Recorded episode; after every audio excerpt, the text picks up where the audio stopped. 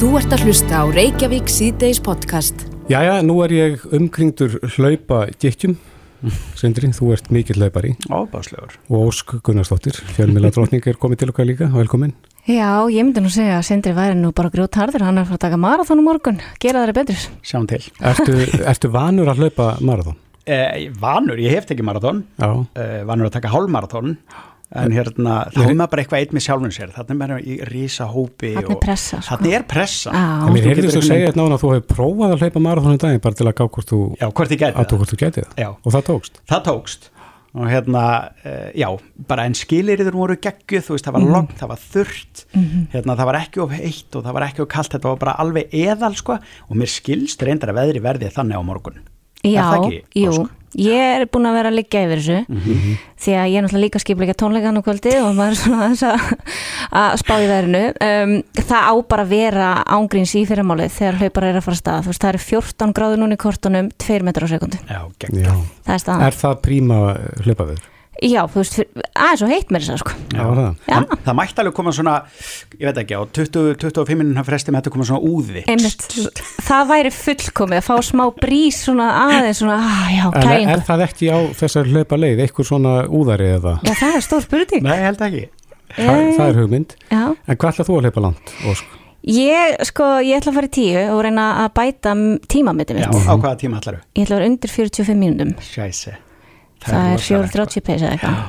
En svona, hvernig er best að undibúa sig fyrir svona hlaup? Einmitt, nú hlusta ég. Já, sko, ég hérna er náttúrulega bara svona eiginlega nýbyrju að hlaupa og hérna um, hljópirunni bara mitt annað hálfmarathón í fyrra en ég var aðeins að skoða strafa mitt, ég er búin að hlaupa einhver 20 síðan þá. Já, mörg, mörg, margir 20 kilometrar þarna sem að tikka ekki inn í hálfmarathón sko. en uh, það er einhvern veginn ég náttúrulega æfði þið bara hlaup ég bara fór all in í þetta, var, bara fekk mér hlaupa þjálfara, fó, fer þaðan í fjallahlaupa þjálfun og uh, þannig að ég er búin að vera að æfa núna hlaup í ár og ég held að líkillinn að bara góður hlaupi fyrir þig sjálfan er að gera ekki nýtt Já, Já, ekki bregð út af vananum. nei, ekki fara að kaupa einhverja compression sokka einmitt. Sem þú hefur ekki pröfað áður, hvað þá nýja skó það er eiginlega bara bannað nema þú kannski hlaupir það eins til uh, fyrir það. Um, heldur ekki bara nýjan íþróttatopp sko. Það er Nei. bara einhvern veginn ekki Gæti gera ekki nýtt. Já, og- þú, þú vilt ekki fara í eitthvað að fá blöðrur og nuttsár og, og, og svo líka bara næringin skiluru, Já, hvað maður til dæmis sem þetta borði kvöld? Já, það er náttúrulega þekkt sko í, í hlaupasamfélaginu að, að, að fá kolvetnin Pizza, pasta? pizzapasta mjög gott en líka þú veist að hafa það í huga að það má ekki vera stert og, og gera eitthvað sem er ekki Nei, nýtt. þú veist ekki fara núna og smakka eitthvað nýtt pasta eldaði bara gamla góða pasta sem að þú hefur gert áður. Já. Og, og hugsaði bara svolítið næringuna þú veist núna fram að hlaupi bara ég ætla að borða allt sem ég hef sem ég veit að fyrir vel í maður minn sem að veita er ekki að fara að keira líka blóðsikurinn upp þú þarft að fá góðan svefn og það er mjög mikilvægt Já. að fólk hugsi það í kvöld sem er að fara kannski eh, í fyrsta hlaupi sitt Mhm. að ekki vera að keira í þig eitthvað mikið eftir klukkan átta Nei, og ekki taka gelið? Nei, þú veist, ef þú hefur ekki gert það áður bara alls ekki gera það sko. Gél þá í hlaupinu sjálf. Já, Einmitt. Og gúmibangsatnur og allt þetta sleppa þessu ef þú ert ekki þeim með vanari. Já, þú, þú veist, ef þú ert búin að finna það og pröfa það, þú veist, gerðu það þá af því þetta er rosalega góð næring í hlaupinu sjálfi ég tala nú ekki um þú veist að fara hálfmarathon eða eitthvað svo leis að hafa þessi gel og allt þetta en, en sko ég held að bara að það er gott að hafa í huga að kvöldi í kvöld bara vera svolítið að sena sig, fá sig góðan mat með fólkinu sínu, fara að snemma að sofa, ég veit það er erfitt af því að þú veist, maður er alltaf einhvern veginn stressaður og, og maður uh, hrættur um að sofa yfir sig, þú veist, það er ekki svo hlaupið sér eitthvað mikið snemma sko.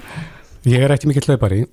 Ég hef hlaupið tvö hlaup, 5 kilometra í En það sem fór vest með mig, það voru gervörtunar. Ég, vá. Það þetta? kemur flashback sko. Í fyrsta skipti sem þetta komið með svona bara bruni og ég bara, það er farin í sturtu ái, Hva, en hvað á að gera í þessu? plástur já Á, sko Áður en maður leggur á stað. Já, við erum bara með hann allan tíman Já.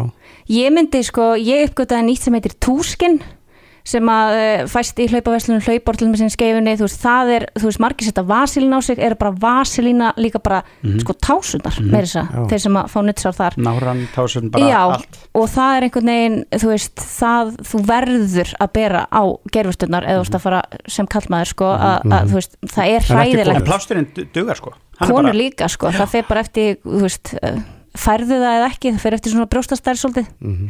þú veist, ég til dæmis skúfaði á þessu í, ég fór heilmarathon í köpen Mm.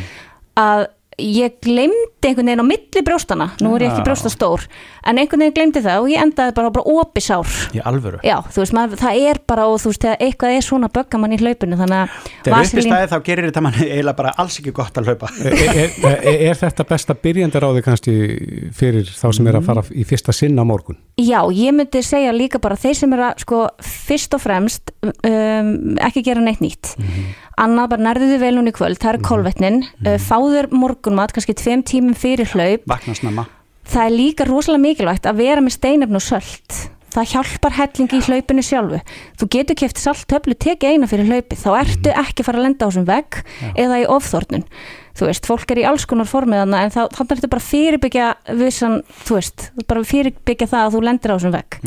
Ekki byrja of hratt. Nei. ef þú ert allt í einu, ég veit að vera styrlu stemning, þú veist, og maður er einhvern veginn allt í einu komin á okkar pace eða hraða, þú ert kannski með úr sem þú hefur ekki verið að hlaupa á áður, þá skaltu þá skaltu hægjaður því að þú, þá ertu bara, þú verður að bara vera kannski að hlaupa á því þeim hraða sem þú ert vanur að hlaupa á og frekar að eiga eitthvað inni í lók hlaups, ekki fara í mark gjörsamlega búin á því því að það er svo góð tilfinning að þú fer bara á þínum hraða ekki ofpeppast fyrst, fyrstu þrjá kílometrana að, hérna, að koma þá í mark og eiga eitthvað inni og koma hlæjandi í markstæðin fyrir að vera bara var erfitt Já. Já. Hér á línunni er Hrefna Hlín Sveinbjörnsdóttir, hlaupastjóri Reykjavík Marathons, Sæl. Hæ, Þetta eru mörg góð ráð sem við heyrim hérna hjá henni Ósk og, og Sindra. E, þú ert að leggja loka hönda á undirbúninga þetta fyrir hlaupað morgun. jú, við erum bara að leggja loka skipuleg, það er allir í, í hérna stallínunum. Er á seint að skrá sig? Hmm. Er á seint að skrá sig? Nei, það er þetta að skrá sig, þanga til, uh, það lokar í klokkan sjö.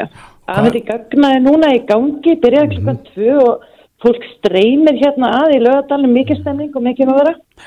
Hvað eru margir skráðir? En það lokar klokkan sjö. Það eru, við erum komin yfir 11.000, við erum þetta í 11.500 manns. Er það met? Nei, það er ekki, það er ekki met. Met er 14.700. hvenær var það? Það var í 2019. já, ok Áður en allt fór á hliðina? einmitt. Ánægt fór hliðina, þannig að mér finnst þetta rosalega, uh, já, mér finnst þetta jafna sér mjög fljótt, þannig að við erum eiginlega bara í skíjónum með hvað fó- fólk er tilbúið í að henda í risa viðbyrð eins og þennan aftur og tilbúið að hlaupa. heldur betur, ég, ég, ég var alveg einhvern veginn sannfærður um það að þetta að það væri met í ára þegar minnst bara svo mikil stemning í kringum, minnst bara ennþá meiri stemning núna heldur en oft áður. Ég samanlegaðis og það er rosa, fólk er svo peppað og það er svo, hérna, svo mikil hérna, spenna í öllum, það er allir að posta og, og hérna hlaupa, sagt, áheit og allt þetta? Söp- svo, Já, ég segja hlaupa át, ganga mun betur en, en hérna í, á, áður sko, þannig að við stefnum í bara, við vonum að vera bara með í söfnun í ár og þetta verði bara glimrandi gott, mikil stemning á leiðinni, þannig að við fetjum þá sem eru ekki að fara að hlaupa, að mæta í góða verin á morgun og hvetja þess sem eru að hlaupa áfram. Já, nákvæmlega. Er Reykjavík Marathon ennþá að draga erlenda hlaupara til landsins? Já, við erum með yfir 2500 erlenda þáttakendur skráða í veguleindana hjá okkur og þetta eru fólk frá 84 þjóðum. Já, Já. ok Hver, hver er að koma lengst að? Eh, Það er einn að koma frá Afríku, Já, þannig að já. ég er búin að sjá hérna og þannig að þetta, og þetta er, já, þetta er út um allt. Það er náttúrulega vinsælt að koma frá hérna, skal ég segja ykkur, mjög mikið af fólki frá Bandaríkjónum og, og Norðurlöndunum og svona eh, Þýskalandi. Og hérna, en svo er alltaf nýja og nýja þjóður þetta einn. Það er, er, er vekja mikla aðtekli. Það er mjög spennandi að koma til Íslands að taka þátt í marathoni. En það er eins og Ósk sagði áðan að þetta er príma veður sem að hlauparar fá. Já, svona, í, svona í það heitara. Og í það má vera aðeins en- kaldara. Það má vera aðeins kaldara Já. og við vonumst til þess að skíin hérna verði svona, haldi sér aðeins að sínist að svona fram með hátti. Það er ekki gott þegar hlaupurum verður of heitt. Það er hérna. Þá erum maður bara að vera duglugur að skvetta á sig á, á vastöðum. og söltin, Og við söltin. Þetta er mjög góð hugmynd þarna með uh, spöytunum Já, og úðaran. Við tökum þetta í skoðuna fyrir næsta ár. En það er, það er klárlega hérna drikkjastöður á hérna 5 km fresti þannig að fólk getur hérna fengið sér vatn og, og getur þetta leðinni. Súper. Þannig að það er engin að, engin að detta niður örmagna vegna vögurskott. En við treystum á það að það verði svona úðarar annars lagið í, á næsta ári. Já, við, við erum að hendi, hendi sér hérna planið, ekki spurning. Það Hendi, kom á hendi það. sinni end. Yes, sir. Frábært, Hrefna Hlín Sveinbjörnsdóttir, hlaupastjóri, Reykjavík Marathons, kæra þætti fyrir þetta Já, sömulegis. og uh, Ósk, þú ert bara klár í slægin á morgun. Já, ég er mjög klára, mér langar að benda á eina gulrót. Mm Mhm. að því þú varst að tala um fólk, hún var að hvetja fólk til þess að koma, þeir sem er ekki að hlaupa að koma og hvetja, að ef að fólk er að fara til dæmis bara fyrsta hálfmarathónu sitt, mér finnst margir einhvern veginn vera þarna allavega á mínum samfélagsbílum að fara sitt fyrsta hálfmarathón að hafa gulrót, að byggja vini eða, eða maka eða eitthvað, nennir þú að vera hjá hörpunni nennir þú að vera þarna á sæbrutinni þannig að þú viti nákvæmlega hvar þitt fólk er að því að eftir kilometr 17 þá verður þetta erfitt og sæbrutin er svolítið svona eins og eðimerkuganga í mark þannig að það er mjög stert að hafa sitt fólk sem gulrót Já. Þetta er mjög góða punktur. á þessum punkti Ertu með eitthvað eirum? Ertu að hlusta á eitthvað? Eða ertu bara ekki svona, ekki svona Ekki ég er svona, svona, ég byrja kannski með í öðru eira og ég mæli með því að fólk sé ekki með í báðum eirum, alls ekki, frekar þá bara vera með í öðru hvora eiranu Já.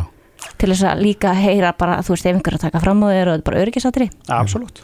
Góða stemtin á morgun. Takk fyrir. Þú ert að hlusta á Reykjavík C-Days podcast. Áfram heldur Reykjavík síðdeis þegar klukkan er eh, hálf fimm. Já. Uh, Viðtal í bítinu morgun vakti tölverða aðtekli en þar mætti Ólafur William Hunt uh, fyrir hann til stafsmæður Eimskipa og uh, tilipni var fæsla sem að setja inn á fjörsbólgina þar sem hann var að bera saman verð á flutningum, sem sagt skipaflutningum milli erlendra skipafélag og þeirra íslensku. Við skulum reyðja þessu upp það sem að Ólafur William Hunt sagði í bítinu í morgun. ég er semst, uh, ráðgjafi af fyrirtæki sem er að framlega báta. Og það er að framlega báta í Dubai og það er að framlega báta í Michigan í bandaríkjónum og við erum að selja þessa báta og flytja þessa báta um allan heim. Okay. og uh, í fyrra þá vorum við að flytja þó nokkuð að bátum á milli semst, miðausturlanda og bandaríkjana og þá voru verðið sem vorum að fá á 40 feta bát og það var 68-9 þúsund dalir fyrir bát þetta eru erfiðir flutningar, þetta eru stóri flutningar og þetta tekur mörg gámapláss, þetta tekur eftir í er í bátnum 3-4 gámapláss. Þannig að verðið hafði farið upp vanga Já, COVID. já, verðið á bátunum var mjög hátt vegna þess að þeir tóku mikið gámapláss, þetta er bara stó, stóri bátar. Eh, svo núna erum við að flytja báta og ég hafði ekkit verið að skoða þessi verð fyrir, na, fyrir núna, því það er annar maður í því og ég sé reikning og ég fer að velta þessi fyrir mér. Og þá var hann 27.000 dalir. Ok, lækkaði Þannig að, þannig að við erum að borga eitt þriðja því sem við erum að borga í fyrra. Og hva, hva, hvernig er, útskýrur það? Það er bara, það er bara þessi hreyfing, því vorum bara að tala um það áðan með Æsland er til dæmis að, að í frettunum og það, semst, það hafa mikil hækkun í verði og nú er, hún, nú er hérna verði orðið að sama og í fyrra Aha. sem þýðir það að í þessum flutningageru og fluggerunum þá eru, eru mikla sveiflur í verðum. Og þær fylgja heimsmarkasverði og þær fylgja verðinu sem er að gerast þegar mikil samkeppnir í löndum. Uh, ég fer að velta þessu fyrir mér. Ég kíktu nú aðeins á ásreikning uh, skipafélags í gær sem, sem, er, sem er á markaði.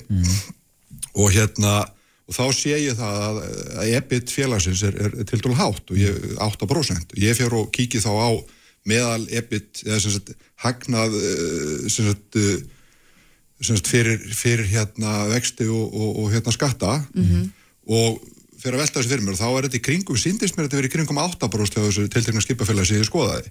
Þannig að helmingi hærri EBIT á Íslandi. Og svo fer ég að skoða ásveikningi betur og þá kemur það í ljós að samdráttur hefur verið orðið á flutningum á, á alþjóðlegum flutningum hjá þessu félagi sem er eðlilegt, menn það er bara mikil samkeppni í gangi. Já. En einhverju hluta vegna heldast verðin uppi þá fer ég svona að veltaði fyrir mér og, og fer að pæli í því hvort að verðin á Íslandi séu að halda í raun og veru uppi þessu verði Já, þarna heyrðu við honum Ólafi William Hunt, hann ætti nú alveg að vita um hvað hann talar þegar hann var nú markastur eimskipa í, í e, mörg ár. Einmitt.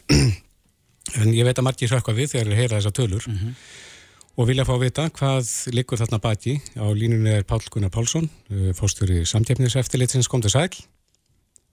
Já, góðan daginn. Já, hvernig hljómar þetta í, í þínum eirum? Er þetta eitthvað mál sem þarf að skoða nánar?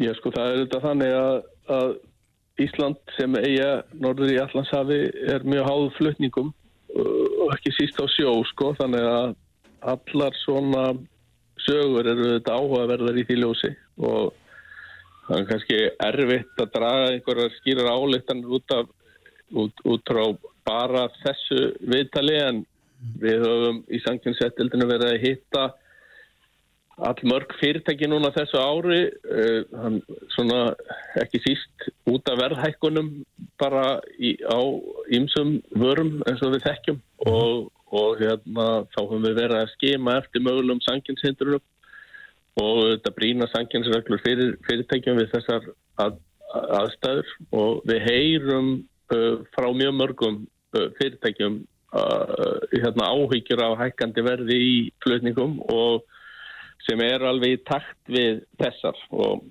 uh, þessar sögu sem þið voru að spila á.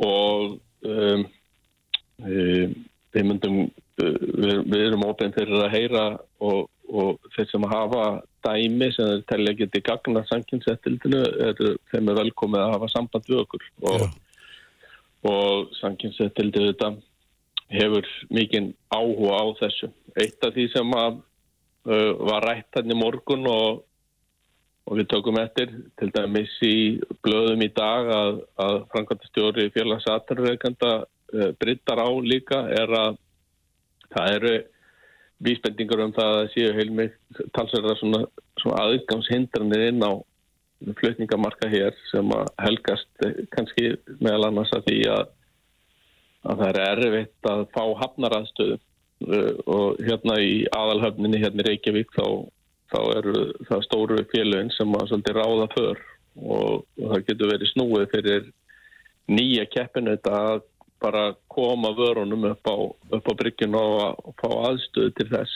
Og þetta er eitthvað sem að sanginsettildi hefur talað um í all langan tíma og brínt fyrir stjórnvöldum og þeim sem að, að þessu koma þar og meðal þetta fyrirtekjum að, að gera þarna bragabót á. Það þarf að opna, eh, opna þessa gátt inn í landi fyrir fleirum heldur en þessum hérna, stóru félum með, með miklu skýrari hætti heldur að vera gert hinga til. Ok, og hefur við rætt um þetta í, í lengri tíma eða er þetta bara umræð sem er að koma upp núna? Já, bara í í hruninu þá gáðum við út heilmækla skýslu um, og, og týndu saman fullt af atriðin sem væri hægt að ráðast í til þess að, að hérna, flýta efnaðarsbata eftir, eftir hrunið. Mm -hmm. og, og í þeirri skýslu sem við skrifum höstu 2008 þá erum við að leggja þetta til við stjórnvöld að að huga þessu og það verður satt að segja lítið unnist í því. Já, það var með þessa spurning frá 2008 aftur, sko. Já, einmitt En telur þú sem fórstöru samtjöfnings eftirlitsins að ef að þessu eru kipt í liðina þá væru flutningstjöld lægri? Það myndi skapa uh, aðstæðu fyrir meiri samkjöfni uh, eh, og skapa þrýsting á félagin. Það, það er ekki víst að það eitt myndi döga en það, þetta er eitt af því sem að er svona augljóst tækifæri til þess að ebla samkjöfni hér og þess að um, þetta samfélag hér þarf á því að halda að það sé virk samkeppni í flutningarfjónustu til að hóra landinu. Og þarna er vandamælið þá frekar með skipafélagin heldur en flugfélagin? E, það er þetta bara eins og við þekkjum e, sjóflutningarnir eru greiðilega mikilvæg mm. og þú fleitur ekki alla hluti með flug, flug, nei, nei. flug, flug mm. sko. Aðeins yfir annar málaður við missum það að línunni Pátt Gunnar, e, það segir hérna fréttin á vísi.is að samkvæmt nýjum reglum viðstiftabankana þryggja þurfa viðstiftavinni nú að vera búinir að svara áraðanleika konun og verið viðstiftum við bankana áður en þeir skipta gjalderi hjá bankunum. Þannig að þetta kemur niður á viðstiftavinnum Indó sem að kvart undan þessu. Hvernig horfir þetta við samkjöfniseftilitinu?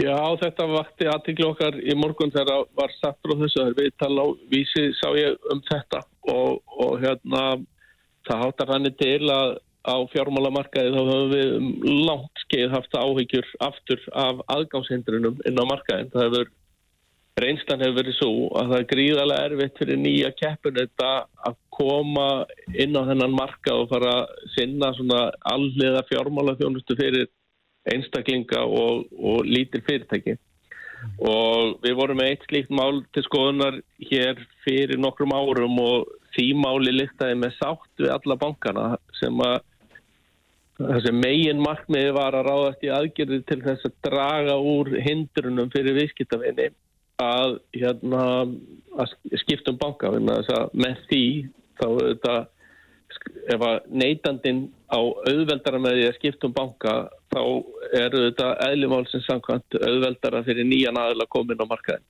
og, og núna er Indó að komin á markaðin og það er alltaf áhugavert þegar uh, hérna, nýjir aðila reyna að koma inn á svona markaðin eins og þennan og, og þarna segir, segir Indó þá sögu sem við ætlum að kanna frekar að bankarnir hafi e, sett e, hert reglur sínar og þá með rökum um öryggi fjármála viðskiptum mm -hmm. og auðgjaldisviðskiptum og, og öryggiskröðunar hertar og, og, og við Þið ætlaði að kanna máli Pálkunar, hvað tekur svo konar langa tíma? Við ætlum að kanna máli, við ætlum að setja okkur í samband við Indó og fá betri lýsingu á þessu og síðan leita skýringa hjá það er að, að hérna, það er bara skynsalegt að nýta dæmi að þessu tægi til þess að skoða hvort að þarna séu hindranir sem að bankarnir séu mögulega að reysa fyrir nýjan keppinu. Og, og sínist þér svo að vera? Eitthvað, ef, ef að það reynist rétt þá er ekki hægt að líða það sko. Nei, sínist þér vera um samtjæmni sindarinnar að ræða í þessu tilfelli? E, það er það sem við ætlum að kanna. Það er ekki hægt að slá því fyrstu hér og nú en, en við ætlum að leita skýringa á þessum. Já, en bara svona er í raun samt ekki alveg eðlilegt að bankin sko sé ekkert til, á bankarnir sé ekkert tilbúinir að veita þér þjónustu ef þú ert ekki í viðskiptum við þá? Er þetta ekki bara hluti af því? Ef þú ert í viðskiptum við okkur að þá eru við tilbúinir í alls konar, alls konar þjónustu fyrir þig. Og ef þú velur eitthvað annað að þá ætlum við ekki að veita þá þjónustu. Bara svona for the argument sake. Um, Jú, frá sjónarhóli bankans ábyggilega En, Já, bara sem, við, sem viðskipta fyrirtækis. En, en hérna, uh, þegar að svona stóri aðlar eru fyrir og fletti, þá þurfa þeir að gæta sín í því hvernig þeir haga sinni starfsemi mm -hmm. og ef að þeir eru að reysa hindranir fyrir nýjan aðlar til að koma inn á markaðin, mm -hmm. þá þurfa þeir að vera mjög málefnulegar og, og ef að þeir eru þær ekki, þá geta þeir verið annarkvört brot á fyrir ákvörnum sankynsefalda eða bara reynilega lögum og Það er það sem við þurfum að skoða hvort það geti verið tilveikið í þessu tilfelli að það er ekki þetta að segja til um það fyrirfram. Emitt. Pál Gunnar Pálsson, fórstjóri samtjefnis eftirlýsins, það verður frólægt að sjá hver, hvert þessi vinna ykkar leiðir. Kæra þakki fyrir spjallið. Allt er góð, takk fyrir. Þetta er Reykjavík C-Days podcast. Jæja, við höldum áfram í Reykjavík C-Days. Raunólur Þóraldsson yfir lauruglu þjótt hjá uh, greiningadeild ríkislauruglustjóra eða aðstofar yfir lauruglu þjótt hjá greiningadeild ríkislauruglustjóra hann segir lauruglu vera varbergi hvert vaksandi hættu og aukahittju þannig að þetta í samtali við MBL mm. en aukahittju líkri þeim sem við höfum átt þekkja frá löndunum í kringum okkur Já. og það er spurning hvað lauruglan metur sem aukahittju og þá svona í samaböru við það sem við þekkjum í löndunum í kringum okkur mm -hmm. Karl Steinar Valsson yfir lauruglu þjóttn hjá Ríkislauruglustjórir á línni, kom til sæl. Sælir. Já, lauruglan hefur svona verið að impra þessu að, að þetta sé kannski mest ógnir sem að stafar að íslensku samfélagi í, í dag. Hvað flokkir þið sem auka heitju? Já, það er nú ekki, er nú ekki beint einfalt að, að koma að því, sko, eða hvernig við hefum að skilgjörna það nákvæmlega. Það, það eru svona nokkur mismunandi blæbrið að því en, en í, í grunninn má við nægilega segja það það séu þá hópar sem að, sem að hafa sannmælst um hérna, einhver ákveðin sjónamið sem, að, sem að þeir eru þá að framfylgja þessum sjónamið sem að skoðunum með ymsum hætti mm -hmm. og því eru þetta getur haft áhrif á, einst, á aðra einstaklinga og þannig hérna, markað það að það sé spurning fyrir lóruglu til þess að hafa einhver afskipti. En í, en í grunninn með við aldrei gleyma því að það, það ríkir skoðana og tjáningafrelsi á landinu. Þannig að, að e, það er þessi réttur til frálsar skoðana og sannfæringar. Og, en við verðum hins vegar líka að, að þessar skoðanir og hugsanir okkar þær eru ekki allar ábyrðalösar þannig að, að það er kannski þar sem við komum aðeins inn á þannig að það er rosalega erfitt að segja svona eitthvað hreint út hva, hvernig við myndum flokka það því að það er aðstæðan að geta verið svo rosalega mis, mismunandi. Mm. En ertu að hugsa um einhvern ákveðin hóp uh, þegar þú talar um öfgahóp? Nei, ég myndi nú ekki segja það. það, er, það samsetningin og því getur verið mjög ólík. Við höfum verið að sjá til dæmis á Norrlöndunum hópa sem að sem að aðhyllast mjög öfga, öfgakendum skoðunum varðandi trúabröð eða varðandi hérna, hluta af samfélagi eða annars líkt. Þannig að það, það er mjög mismunandi samsetningar á þessu. Mm. En hvernig finnst þér svona, já, finnst þér fólk vera, já, jafnvel barnalegt þegar það talar um uh, að, að, sko, af því að það, fólk er ekkit endilega hrifið að því að, að lauruglan vopnist meirinn hún uh, er að gera um þessa mundir uh, veist, við höfum ekki lent í neinum, ég veit ekki, hriðjuverkum eða, eða svona uh, á, á, stórum árásum uh, finnst þér fólk vera barnalegt það talar um þessi mál eins og, eins og Ísland sé bara alltaf lítið og saglust og, og hér mun ekkert gerast Ég held að það sé nú bara okkur mjög eðlilegt að, að við, við reynum að halda í, í það samfélag sem við höfum, verið, er, svona, höfum, mm. höfum þekkt í talsið langa tíma eins lengi og við mögulega getum. Já.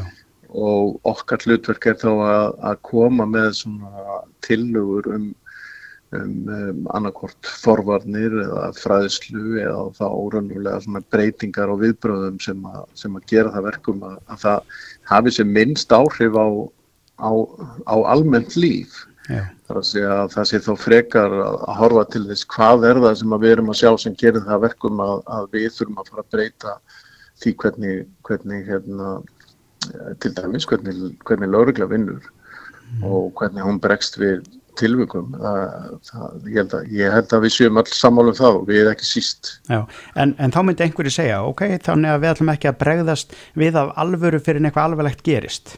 Ætlum ekki að byrja brunin áður Ég sko við náttúrulega fylgjum, höfum náttúrulega auðvitað að sjá um hvað þróun er í gangi, hvað er að, hvað er að breyða, hvernig, hvernig hérna, verkefni lögurlega er að þróast, hvernig breyting þar er. Mm -hmm. og, og við óneitalega höfum auðvitað sko þjálfun lögurlega, við myndum bakka um tíu ár, þá er þjálfun lögurlega í dag allt öðruvísi en nú var.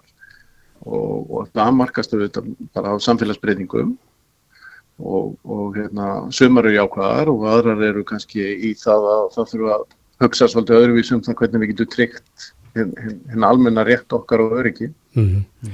En Karlin að Lörglann hefur kallað eftir sko ríkari heimildum til þess að geta fylst með svona hópum, aukahópum.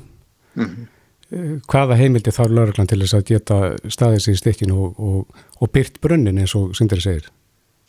Það, það, það hef, við höfum verið í þessar, þessu samtali í, í talsvöna tíma og ég held að það sé bara hluti af því sem við þurfum alltaf vera í samtali við um, um, um, vegna þess að það er líka bara svo hraðar breytingar teknilega sér að við höfum aldrei verið að byggja um annað heldur en að, að við getum verið bara í alltfjörlegu samstarfi og, og að heimildur okkar að endur spekli það sem að Norðurlundin fyrst og fremst er með, við höfum aldrei verið að óskeftin einu sem er ekki til staðar á Norðurlundum og ástæðan er bara einfallega svo að, að starfsumhverfu okkar er bara ákallega svipað og, og brotin eru svona sama meði, það eru kannski alltaf einhver blæbreðamunur eftir samfélagunum en, en, en þetta lítur að raunulega að, aðgengi að upplýsingum sem að í okkar tilviki hafa alltaf verið borðnar undir dómar á aður.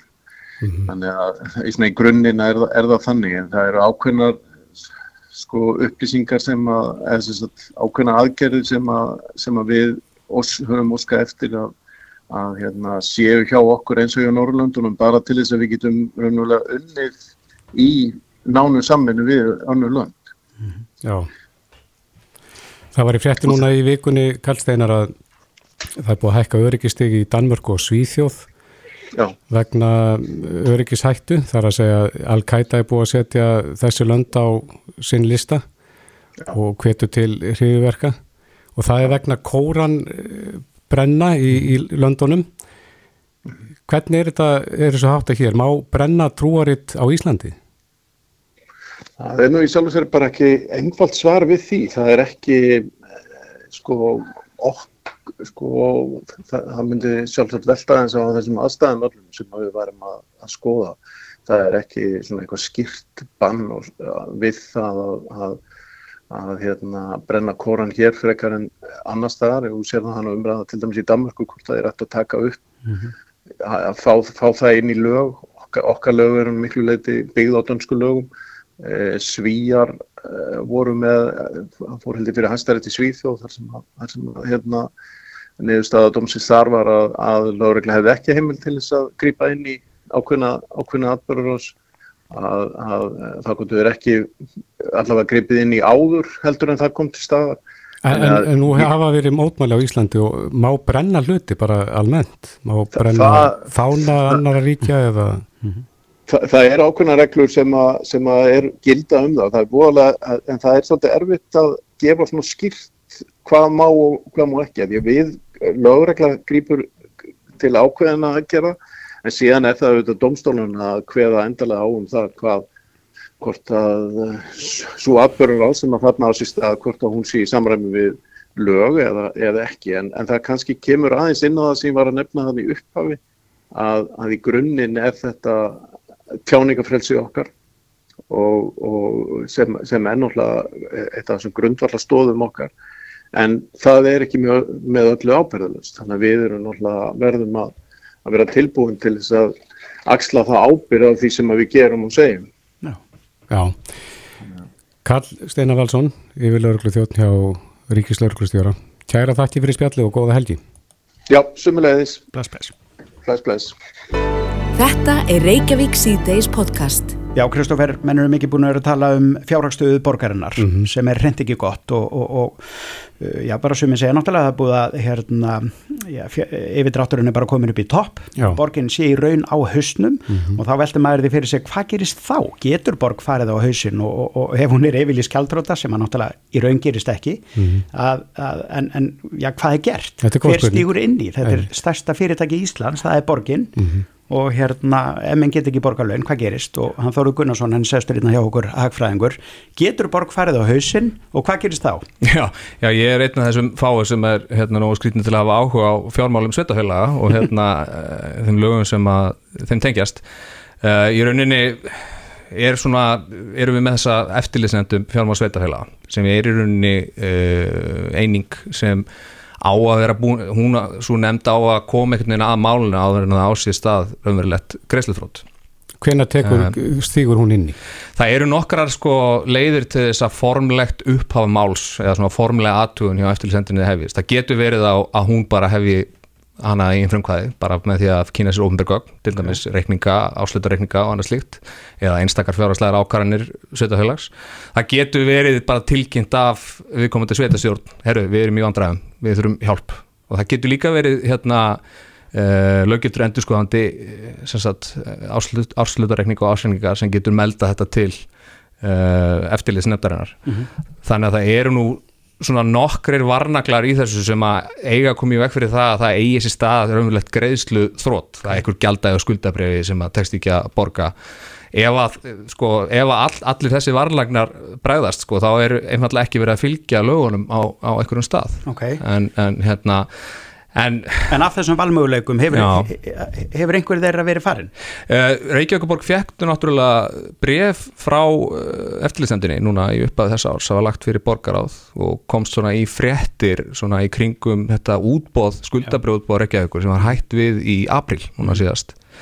Uh, og þar var þetta kallað, svo kallað rútinubref, ég held að borgarstjóri hafi orðað þannig en það voru hins vegar ekki, ekki það mörg sveitafélag sem fengu bregða þessu tæ en uh, það verður líka að hafa það í huga að þessi lögum eftirlýsendina þau uh, sko það tekið fram á nokkru stöðum sko að það er alltaf líka sko að hafa í huga sjálfstöðt sveitafélag þannig að menn geta örgulega sko alveg hérna sagt ansi lengi að þessi í lægi með þetta og kannski er alltaf lægi með fjármál reykjaðugur þó að lestur ásveikninga maður upplýði það ekki þegar maður leiðis reikningin reksturinn fer síð vestnandi og, og þetta veldu fyrir frá rekstri sem er ætlað að standa undir áborgunar lána og fjárfestingum það er bara orðið neikvætt og það gatir alltaf að stækka og það er ekkert hægt að deilum það Nei, það, það, það, það er bara stendur svart á hvítu Mhm. sko, þannig að hérna, en, en kannski er eitthvað, á, eitthvað, eitthvað hérna, undir hútunni sem við, hérna, við sjáum ekki en, en ég hef ekki tekið eftir í En ef þú svarar spurninguna Sindra hérna, getur Reykjavíkuborg farið á hausinn? Er, er það möguleiki? Ég held, sko, ef að það nei, í raun og veru getur hún það ekki en hún getur vissulega lendi í greiðsluþrótti, til dæmis lendi í vandræði með eitthvað, með eitthvað gjaldaga en hver, hver, hvað gerist þá og hver kemur til bjarga? Já, þeir ættu þá að láta þessu eftirlend vita áður en til þess kemur, ljóta að sjá það allavega nokkru dögum áður eh, í hvað stefnir Mhm. og ef að þetta gengur nægilega langt til þess að það einhvern veginn næst ekki milli eftirlýsnemdar og sveitafélags þá getur ráðherra stíðin í málið á Ok. endanum og hann getur skipað uh, fjárhaldsjórn yfir borginni. Þá fjármálar á þeirra já, já, Nei, neða, Sigurður Ingi, já, væntanlega. já, já, sem sagt sveitastundarmálin eru komin Já, inn til já. innveðaráðandi núna, þetta var alltaf inn í félagsmálaráðandinu Já, en færiðist yfir í innveðaráðandi núna þannig að, uh, já, innveðaráðandi getur skirpað fjárhalsmann uh, það er hægt að uh, lána borgin úr jöfnur sem er sveitafélag það er heimil til þess. Og svo er líka heimil til að hækka skatta umfram lögbóðið hámark, alltaf 25% umfram lögbóðið hámark. Og, og, og þessi skatta náttúrulega eru svona allavega einstaklingum í botni núna í Reykjavík það var náttúrulega gerð breyting núna um áramótin það sem að hluti tekju skattsins var farið yfir í útsvar. Þannig að útsvarið núna er 14,73% og fastningagjöldin 0,18% það væri það að hækka útsvarið upp í hvað tefla 20% kannski 18% og, og hérna fastningagjöldin upp í 0,25 eitthvað svo leiðis frábær laust Já, það kannski átta sig ekki margir á því en sko útsvarið það er í rauninni, skurðbóndurinn er, er ekki í kringum 900 krónur á mánuði. Ef þú ert með 900 skallega minna á mánuði þá ert að borga meira til sveitafélagsins heldur en í, ríkisjóð sko, af laununuðinum Já. Þannig að ef að það verður ofan á að, að hérna, það þarf að seglast enn dýbra í, í, í hérna vansa reykinga þá er það líka möguleik í stöðinu þó svo að tekjustofnandi séu í botni núna. En þetta er í rauninni sko, það má velta fyrir sér sko áallanlegjerinni hjá Reykjavík. Tekjur borgarinnar eru mjög fyrirsjánlega Já. þetta eru fastegnaskattar, þeir viti upp á ársin ánast upp á krónu hvað er að fara að koma inn. Og hérna útsvastekjurnar mjög fyrirsjánlega líka. Hafa frekar van áallega veikvaðar út af launaskriðinu í þjóðfélaginu en hins vegar eru í hverju einustu kaupata tilkynningu síðust einu hálf árið, þar stendur alltaf að, sko, að, verðbólka hafi verið umfram væntingar. En það er ekkert skrítið á þessi umfram væntingar af því að ég fó nú bara í morgun eftir að við heyrðumst og skoðaði hérna frumvart til 5 ára fjárhagsáallunar og, og fjárhagsáallun fyrir 2023 og þar byggja allar verðbólku fórsundur á, á þjóðarsko hagstofunar sem var gerð í júni í fyrra. Og þá áttu að vera 5% verðbólka í ár svo fórsenda er auðvitað lungu fallinu um sjálf og var þegar fallinu sjálf sig bara þegar þessi fjárhagsáallun var gefin út í, í hérna, mánamótin oktober november þannig að við munum til að sjá það aftur og aftur núna þegar Reykjavík skila meira tap en hún ætlaði sér að, að hérna, verðbólka hafi verið umframvæntingar en, en það er ekki skrítið það sem að verðbólku fórsendunar eru fyrir lungu síðan fallnar um sjálf sig. Já. en annars bara góður sko. Þannig að við megum alveg eiga vona á vegna sem menn náttúrulega bregðast, menn hljóta að reyna að bregðast við alls, á, á, alls konar hátt. Þannig að ef að snjóri, ef að verið snjóðungur vetur að þá verður kannski minna skafið og ef að Já. ruslatunarnar okkar uh, hérna, þær verða ekki endilega tæmdar Já, allavega með að við sko, eins og ég segi kannski, kannski er allt í læg með restu borgarnar kannski er eitthvað sem að, að Undir húddinu sem þú veist ekki um. þeir sem að lesa reikningin eru ekki að taka eftir en það, ekki, það virðist ekki vera sérstaklega mikið ágangs akkurat núna Nei. og man, ekki nema sko borgarstjórn eða borgaráð eða fórsvæðsum borgarnar hafi frumkvæði að tala við eftirlitsnefndina og eftir, eða eftirlitsnefndina á sjálf frumkvæði að því að taka eitthvað til hana mm það er spurning hvort, hérna, hver pólitísi vingillin á því er. En svo náttúrulega væri líka bara hægt að leita ykkur annar leiða til þess að hérna, ná nýður þessu skuldu borgarinnar. Er ástæðan fyrir að rekstur og svona erfiður er að áborgarnar skuldum eru orðin það miklar að hérna, það stýttist í það að það væri bara mjög erfitt að ráða við það. Já. uh, alltaf sé það ekki bara væri það ekki skynsalegt að bara huga til dæmis að eigna svölu bara til að hérna, vinna niður skuldastappan og það held ég að þetta vera allt undir það kemur ekki, alls konar fyrirtæki eiguborgarinnar bæði í áttursumum rekstri og hérna sangjæðisrekstri uh, varandi lóðasölu og uppbyggingu.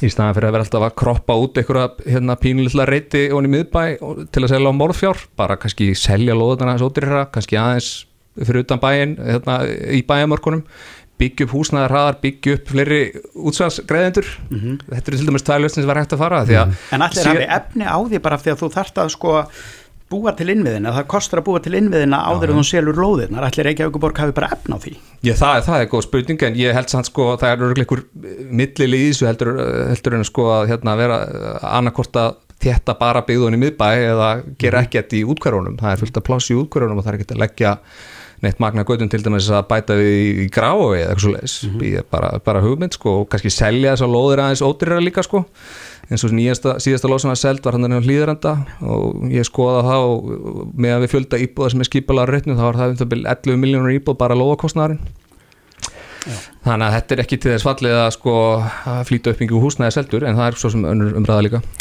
En það er ljóst, saman hvað gerist, Einar Þorstensson er að fara að taka við mjög, mjög erfiðu búi. Já, að væri bara ekki sterkuleikur í honum að melda sér bara við hérna, eftirlýsendina og hérna, kasta bara inn hanglaðinu strax í byrjunum og geta þá bara tekið allar erfiðu, ákvarðanar hérna, í, í þeirra skjóli en það er spurning hvort að Þetta er líklegt að hann gera það? Ég, já. Hann er svo sem búin að viðkynna að þetta sé miklu verri staða heldur en hann hjælt þegar hann tók, sem sagt, kom inn í þetta. Já, ég að get gefið hann þessar aðgjöf núna. Það allavega getur hann sennilega tekið mikið erfiðum ákvarðunum í, í skjóli hérna, samstarfsins við eftirlýsendina Einmitt. mm.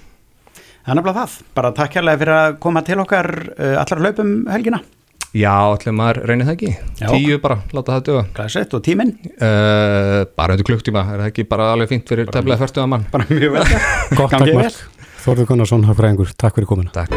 Reykjavík síðdeis á Bilginni podcast. Já, ég sendir ég það er þessi eilif umræðum ferðarþjónustuna og hvort að hún sé á réttir leiðið ekki. Einmitt. Ný könnun, Mastínu, síndi að Íslendingar eru svona í auknumæli og þreyttir á þessum fjölda ferðamanna, eða hvað? Það tók ekki langan tíma Nei. sko, hér er nýbúið að vera COVID og uh, ferðamæðurinn sást, bara ekki Nei. veitingastæðir gengu illa, fólk var að missa vinnuna hótelin voru tóm Mhm. og núna eru ferðamenn eitthvað að þvælast fyrir Íslendingum Hvað segir þetta okkur? Við að fara að setja tappan í?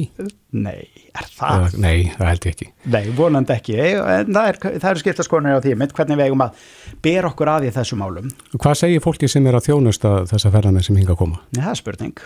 Hún er komið til okkar, Hrefna Björk Sveristóttir, sem er stjórnamaður í Sveit, sem er samtök fyrirtæki á veitingamarkaði, velkomin. Og svo ertu náttúrulega líka eigandi Róks veitingastæðarins. Jú, passar. Eh, Ég get nú bara rétt ímynda með hver svar þitt er við þessu, en, en eh, eru ferðamenn vandamálið eða er það bara þá innviðnir og hvernig við stöndum að málum?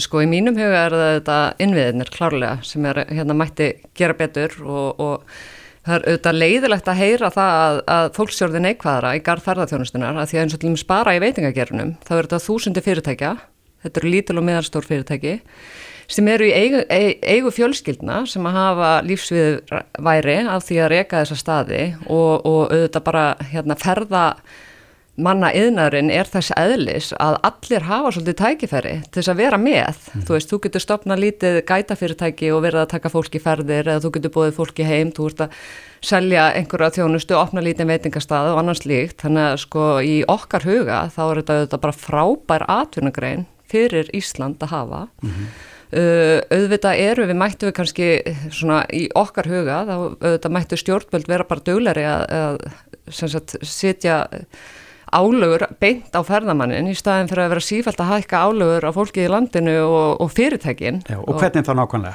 Sko, e, mér finnst, og það er bara að tala á svona persónulegum notum, að við ættum ekkert að vera að finna upp hjóli í þessum efnum og fara bara eitthvað að leið eins og bara svipa á bandarækjumenn fara til dæmis þegar þú fer til bandarækjana og segjur um estagjald og þú borgar 21 dollara. Og bandarækjumenn taka móti sko, ég veit ekki hversu mörg hundur miljónum eða 200 miljónum eða eitthvað manna árið, það er ekki að stöðva neitt. Þetta myndi aldrei stoppa mann að fara til New York. Aldrei. Og, og svo líka alltaf þessi umræða við verðum að fá hérna, efnameiri ferðamenn og fá ferðamenn sem eigða meiru og ég myndi held að þess slíka aðgerð myndi bara stiðja við það. Og við verðum að miða við það að komi e, 2 miljónir manna og segjum að við myndum rukka 4.000 krónur eða eitthvað slíkt þá er það náttúrulega svakalegi peningar Já. sem að hérna, koma þá í þjóðabúið sem er þá til þess að- laga þessa innviði Já. að því við erum fámenn þjóð og auðvitað getum við ekki bara staðið undir uh, sagt, öllum þessum innviðum einn, við þurfum að fá tekjurnar annar staðar frá. Og hvernig gengur veitingastöðum í borginni, tökum bara Reykjavík? Uh, veitingastæðir, það er brjálega að gera, það er rosalega mikið af fólki og mikið líf og ég held að allir, hérna, fólk takir bara eftir því það sjálft þegar það fennir í bæ, hvað það er mikið í gangi og þetta er frábært og það eru þetta ferðamennunum að þakka Mhm. að þetta þessi staðir eru að því að án þeirra þá væri bara örgulega 20% af veitingastöðunum sem er í gangi núna eh, en hins vegar eh, er auðvitað bara erfitt umhverfi, við erum búin að, launin er búin að hækka um 50% frá því 2019, langt mest í veitingagerinum af öllu. Við erum með mjög erfitt uh, umhverfi í kringum þessi, þessi vakta álög og, og vaktir, við erum í raunin algjörlega sér á báti, bara í heiminum þegar kemur að því, við erum með dýrastu, dýrasta starfsfólk í heimi. Þegar hérna, kemur að því að þjónusta og, og auðvitað líka bara allar þessar verðhækkanir sem allir finna fyrir. Það er auðvitað líka að, að lenda á veitingamannum þannig að það er ekki mikið sem sittur eftir þó svo að það sé mikið að gera og mikil velta Nákvæmlega. Uh, margir er mitt, sko, þegar fólk fyrir út að borða þá flestum finnst dýrt að fara út að borða og það er náttúrulega dýrt en uh, sko, þú sittur hinn með við borði og þú þarft að reka staðin og, og, og það eru kannski ekkit endilega margir sem átt að segja á því að þegar þú ert að, að reka allt þetta apparitt að, að, að þá eru launin heyrði einhver staðar af rekstrinum 80% er það ekki? Nei, Nei. sko, Einhver kannski einhver, já, eða sko, það, e- ef að þú ert þar þá ertu gjaldrúta, Mhm. það er bara svo leis. Ok. Af því að, hérna, ráfniskostnæðurinn er alltaf cirka 30% og þá eru þetta eftir húsalega uh, ba bara hreinsefni, þú veist, að halda hreinu á veitingastöðum, það er meira hátta mál og við, við eigðum svakalum fjárhæðum í það, þú veist, það eru salernisturkur, það eru klósitpapirinn, það eru leigugjöldin, það eru, þú veist, þetta er náttúrulega bara endalist auka kostnaður sem að kannski uh, kunnin tekur ekki eftir þegar hann kemur og sest og panta sér, hann hugsa bara, herðu, byrju, ég fór í búðina og hamburgerna kostiði bara 500 og það er verið að rauka með 3 og 5, þú veist, en hérna, þannig að, uh, þú veist, eru, sko, það eru fleiri veitingastæðir búin að fara á hausinn þar sem afir áðuri heldur en síðustu ár til samans. Þannig að þe- þetta er mjög þung, þetta er mjög erfitt. Fólk er ekki að okra, það er engin staður í dag sem að er bara að móka inn peningum í vasa eigandana. Þetta er, þetta er erfiður rekstur. Hann er það, þó að það sé mikið að gera blessunulega aðeins aftur að þessu sem þú sagðir á þannig þegar við eh, tölum um einmitt að rukka uh, túristan inn í landið af hverju hefur þetta ekki verið gert ef að þjónustu, ef, ef að ferðarþjónustu fyrirtæki, veitingahús og, og hótel eru fylgjandi þessu og jafnvel flugfélögin af hverju hefur þetta ekki verið gert? Já, þú verður eiginlega bara að spyrja eitthvað nú ríkistjórnina því hérna- Nei, menn hljóta að vera að tala um þetta inn- sko, innan í, geiranna. mínu, í mínum huga, þú veist, það eru auðvitað alltaf verið að rífast með útfærsluna á þessu Mhm. og það var auðvitað lengi umræða um einhvers konar passa, ferðamannapassa, náttúrupassa þá var eitthvað eftirlit og eitthvað þannig er aft, þú veist, verið að finna upp kannski eitthvað nýtt og eitthvað öðruvísi af því að það virðist engi vilja taka maður að segja, þú veist, auðvitað ég skil alveg að flugfélagin vilja ekki bæta þessu ofan á farsælana, af því að þeir vilja kannski ekki vera ykkur innheimtistofnum fyrir ríkið, en þú veist, að, að einmitt, eitthvað svona útfærsla svipað og þessi estagjöld sem bandaríkin eru með eða eitthvað annað, þú veist, ég, ég sé ekki betur en að í rauninni eina þrætuefni sé bara einhvern veginn hvernig útfærsla er á þessu. Og uh, bara í mínum huga akkur er ekki bara löngu búið að framkvæma Mér finnst það bara mjög einfalt en eins og ég segi, þú verður eiginlega að spyrja einhvern annan en mig af hverju nákvæmlega þetta hefur ekki orðið að veruleika. Kristófur, við fáum einhvern úr Já, ríkistjórninni. það var, það var nú að tala um komugjöld hérna á sínu tíma Einmitt. sem var í eitt skatturinn þá Já, En uh, varandi þetta óþól Íslendingana uh, stiluru hvers vegna þetta óþól er? sko auðvitað, eh, já, já, þú veist, það, það er Er auðvitað, erfitt að já, það er erfitt að fá borð, um, það hefur gengið mjög vel, og við erum mjög þakklátt fyrir það, þetta er vinsælt staður, en hann er líka mjög vinsælt af Íslendingum, Mhm. þannig að það er nú alveg, alveg blanda. Uh, Hvað eru Íslendingar stór partur af viðskiptavina hópnum? Sko hjá okkur er það alveg næstu því helmingurinn. Já. En hérna, það er bara rosalega misjafn eftir stöðum og hvaða áherslur þeir eru að, og hvað þeir eru að bjóða og sumir eru bara reynd og beint að bjóða upp og bara svona algjörlega íslenskar afurðir Mhm. og eru þá hérna mikið kannski þorsk og lambi og öðru og eru að auglýsa sig sem slíka og þá eru þetta kannski bara allt upp í 90% og hótelveitingastæðinir og aðrir eru þetta með mjög hátt hlutfall en svo eru aðri staðir sem eru kannski meira í ætt við uh, minn stað eða rók að sem eru að þjónusta uh, lokalinn og eru með svona fjölbreyttari matsæla Mhm. Er, er, er Íslendingarnir að koma meira þá um helgar og ferðamaðurinn alla daga vikunar. Já, ferðamæðurinn auðvitað fyllir upp í þessi mánda, þriðuta, miðguta en, en um helgar eru Íslandingarnir mjög þyrstur í að komast út Mhm. og, hérna, en auðvitað skilja og, og við skiljum auðvitað það að einhverju ákveðnir aðilar geti verið hérna, þreyttir á öllum þessum ferðamennum niður í bæ og þú veist, við erum bara slíka svo vöndi, bara fá borð þegar við viljum fá borð, við erum kannski ekki mikið að plana fram í tíman og þá Það er rétt. maður anskotans ferðamennir eru bara hérna út um fyrir. Já, en ég held að við þurfum bara að hugsa þetta svona í viðara samhengi og hugsa um allan ágóðan sem við fáum af þessu og líka bara hvað er orðið bara miklu betra að búa á Íslandi bara einfallega út af því að við sjálf höfum bara mikið meir, fleiri tækifæri til þess að gera okkur dagamun. Mhm. Farið skemmtilega ferðir, farið út að borða, gist á skemmtilegum hótelum og, og skoða landið okkar betur, veist, það eru innviðnir eru betri en þau voru þó að það mætti gera mun betur í þessum málum. og hugsa ykkur hvað miðbærum væri nú sko líflaus Já, já. án allra þessara ferðamanna Hann væri tómur. Hann væri tómur. Og sérstaklega þegar það er rigning þá sér maður allavega að það fullt af fólki í rekkapum. það er engin Íslendingur á ferli þá. Nei, akkurat. Já, gaman að ræða þessi mál. Hrefna Björk Sverrisdóttir, stjórn og kona í samtökum fyrirtækja á veitingamarkaði. Kæra þætti verið þetta og góða helgi. Allar hlaupum helgina?